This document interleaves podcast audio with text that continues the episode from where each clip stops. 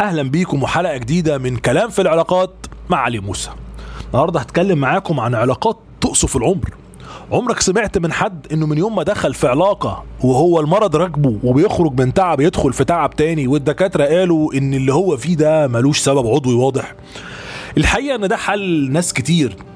اللي بيدخلوا في علاقات غير صحية مليانة توتر وضغط نفسي مستمر. علميا اللي بيحصل إن جسمهم أو جسمنا في مواجهة الضغوط الخارجية أو في أوقات الشعور بالخطر والانفعال الدائم بيفرز هرمونات زي أو عناصر زي الأدرينالين والكوليسترول عشان يواجه المخاطر والضغوط دي.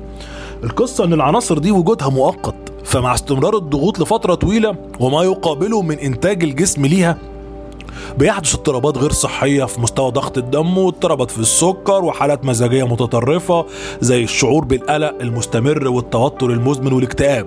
وبالتالي بيبقى في أعراض جسمانية في شكل أمراض عضوية زي الضغط والسكر وقرحة المعدة والربو الشعبي والقولون العصبي والصداع النصفي. وشوف بقى يا معلم بتلاقي نفسك داخل في مواويل كتير قوي وتلاقي نفسك رايح لطبيب نفسي في النهاية. ومش عارف تتصرف إزاي. الناس اللي اتعودت إنها دايما تكتم غضبها جواها وتبقى بتغلي من جوه لكن ملهمش قدرة على التنفيس أو الفضفضة خوفا من العقاب أو ردة الفعل أو يأسين إن ممكن تحصل حاجة. ف- فما تستغربش لا لما حد منهم بيشتكي من تساقط الشعر أو أمراض جلدية والام في المعدة. الناس اللي على طول في انفعال حاد ودائم نتيجة الخناقات اليومية وانسداد أفق التفاهم والتواصل بهدوء دايما تلاقيهم مهيئين لأمراض القلب والغلط والجلطات الدماغية. الناس اللي طول الوقت عايشين في جو كله انتقاد وتأنيب ولوم وسخرية. وملهمش حد يدعمهم أو يحتويهم. بيكونوا عرضة للاكتئاب الحاد اللي في أوقات كتير قد يدفعهم للانتحار. آه الانتحار. دكتور جون جراي في كتابه لماذا يتصادم المريخ والزهرة بيأكد إن نتيجة وجود علاقة بين الكوليسترول والبدانة مع ازدياد مخزون الدهون بالجسم. لذلك فإن الضغوط ومستوى الكوليسترول المرتفع ينتجان دهونا سامة تتسبب في أزمات قلبية.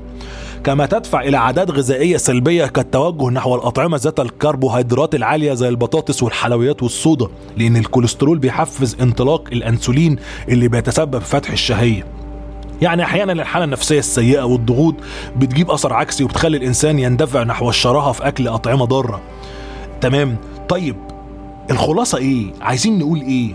إن الاستسلام للعلاقات السامة فيه سم قاتل ويسبب أحيانا الوفاة. العلاقات السامة مش بس بتطفيك وتقتل أحلامك وطموحاتك وتعزلك عن العالم لكن دي كمان بتأثر في عمرك وتموتك بالبطيء.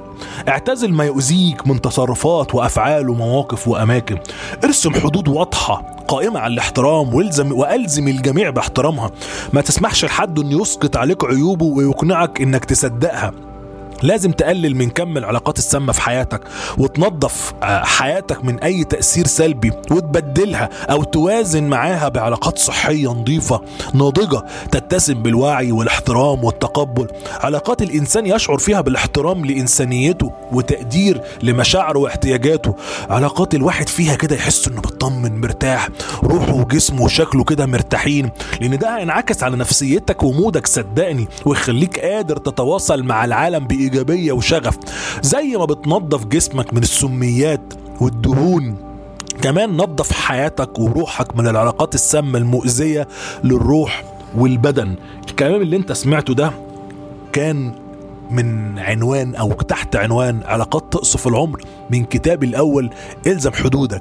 أتمنى يكون الرسالة وصلت لك. أتمنى تكون قد فهمت قد إيه مخاطر السكوت على علاقة سامة وتأثيرها على صحتك وحياتك. أتمنى إنك أنت تبدأ تبادر وتبقى تهتم بالسيلف كير أو الرعاية الذاتية وت- وتحسين جودة علاقاتك واهتمامك بنفسك واهتمامك برعايتك الصحية. وما تكسلش وتسوف وتطنش عشان في النهاية هتبقى عامل زي الصابونة اللي بتبوش قبل اوانها ومحدش هينفعك ولا حد هيسمي عليك وانت عايش في دور الساكت الأعظم أو المضحي الأعظم في سبيل علاقه تأثيرها عليك خطر جدا وساعتها هتقول يا ريت إلا جرى مكان.